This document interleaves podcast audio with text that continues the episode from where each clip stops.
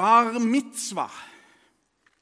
Bar mitzva, det er jødenes overgangsrite, som omtrent tilsvarer vår konfirmasjon.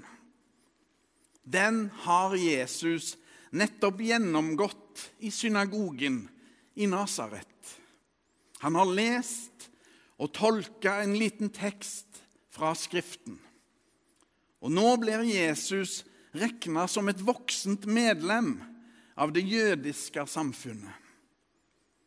Trolig er det første gang han får bli med foreldrene sine til Jerusalem og det hellige tempelet der.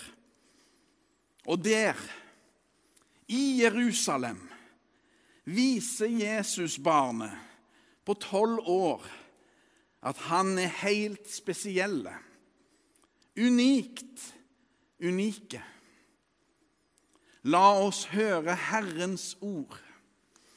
Gud være lovet. Halleluja, halleluja, halleluja. Det står skrevet i evangeliet etter Lukas.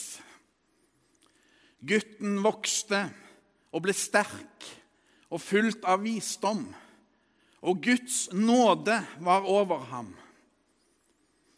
Hvert år pleide Jesu foreldre å dra til Jerusalem for å feire påske. Da han var blitt tolv år, dro de som vanlig opp til høytiden. Men da høytidsdagene var over, og de skulle hjem, ble gutten Jesus igjen i Jerusalem uten at foreldrene visste om det. De trodde han var med i reisefølget og gikk en dagsreise før de begynte å lete etter ham blant slektninger og venner. Da de ikke fant ham, vendte de tilbake til Jerusalem for å lete etter ham der. Først etter tre dager fant de ham i tempelet. Der satt han blant lærerne, lyttet til dem og stilte spørsmål. Alle som hørte ham, undret seg over hvor forstandig han var, og hvor godt han svarte.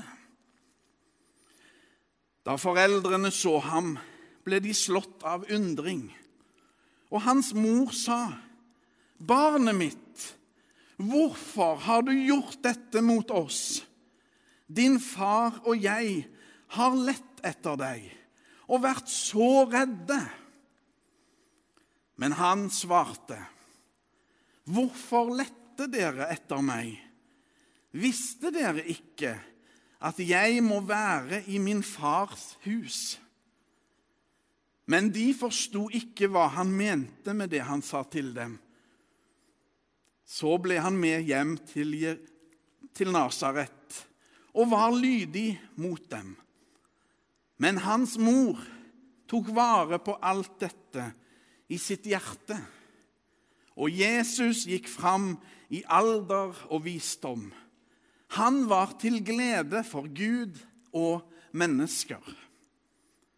Slik lyder det hellige evangelium.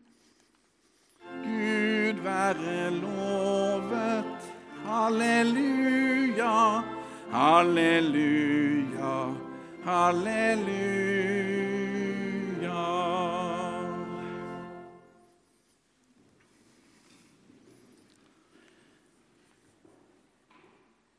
Min tante Aslaug ble bare sju år gammel. Hun døde i 1943. Vondt i magen viste seg dessverre å være blindtarmbetennelse med dødelig utfall. Mange triste historier er som hennes. Å miste et barn er noe av det tøffeste foreldre kan oppleve. Hjerteskjærende trist. Angsten og etter hvert sorgen de nærmeste kjenner på, må være opplevd for å vite hvor tøft det er. Vi andre kan bare ane det. Til alle tider er følelsene de samme. Uansett hvor og hvordan det skjer. Vi kjenner igjen den paniske følelsen hos Maria og Josef. De kan ikke finne gutten sin i den enorme folkevrimmelen. Minst 100 000 mennesker er kommet til Jerusalem for å feire påske. Maria og Josef er mildt sagt fortvila. Og så, etter tre lange dager, finner de ham, finner de han endelig. Den historien endte godt. Hva skjer da?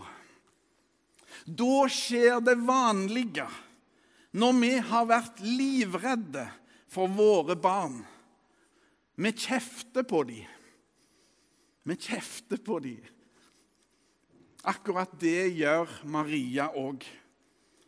Det er noe dypt menneskelig ved dette. Panikken og angsten må jo få sitt utløp.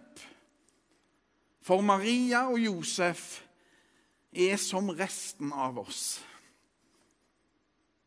Men Jesus er ikke som resten av oss. Jesus er helt spesielle. Jesus er unikt unike. For Jesus sier, 'Visste dere ikke at jeg må være i min fars hus?' Maria og Josef vet at det ikke er huset hjemme i Nasaret han mener, men tempelet. Sjølveste helligdommen i Jerusalem. Maria og Josef må ha kjent den setningen svi, sjøl om det var sant. Maria og Josef hadde en helt unikt unike oppgave som ingen andre har hatt, verken før eller siden. Å oppdra Guds sønn, sjølveste gudemennesket, Jesus Kristus Messias. Sann Gud og sant menneske.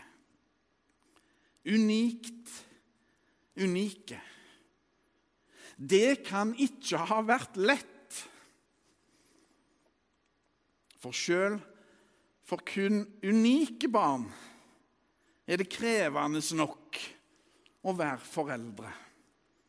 Slik er det. Slik er kjærligheten. Den krever oss fullt og helt. Denne historien er et profetisk forvarsel på det som skal komme. Tre dager lette de i folkehavet i Jerusalem. Tre dager var Jesus borte. Omtrent 20 år seinere får angsten og panikken hos Maria sin bekreftelse. Da står hun alene i Jerusalem i påskehøytida og ser sønnen sin bli slukt av folkevrimmelen og onde krefter. Men Jesus lar det skje. For der ligger triumfen hans over dødskreftene. Når Jesus blir henretta på fornedrende vis, hengt opp på et kors som en forbryter, da Da fullføres Jesus store oppdrag.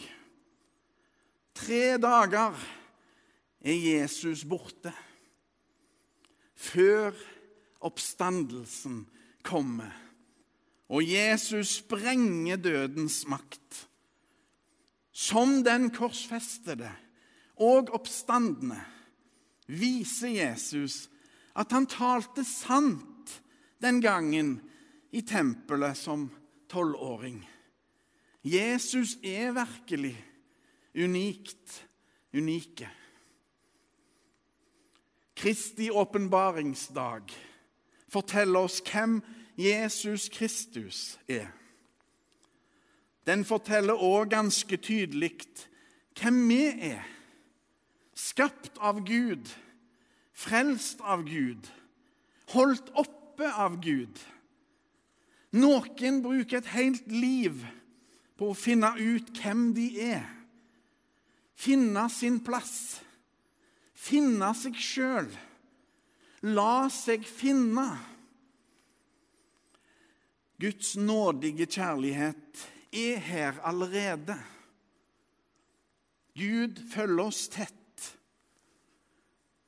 I en salme av Svein Ellingsen, som sjøl mista et barn, synger vi. Selv under livets tyngste slag er vi hos deg, du vår Gud. Dette gjelder all sorg, også den hjerteskjærende sorgen over det meningsløse. Også over tapet av min tante Aslaug på sju år. Et blytungt slag i mine besteforeldres liv. Jesus betyr et himmelhåp om gjensyn med våre kjære, og at en gang skal sykdom, sorg og død, vold og ulykker, krig og terror ta slutt. En gang skal Gud med sin kjærlighet ta over, fullt og helt. Den unikt unike Jesus snakker alltid sant om seg sjøl og om oss, nå som da. Vi er hans søsken, unike hver og en. Jesus lover oss alle, slik det lyder i den siste salmen i dag. Se, jeg er med dere Se, jeg er med deg. Ære være Faderen og Sønnen og Den hellige ånd, som var, er og blir en sann Gud fra evighet og til evighet. Amen.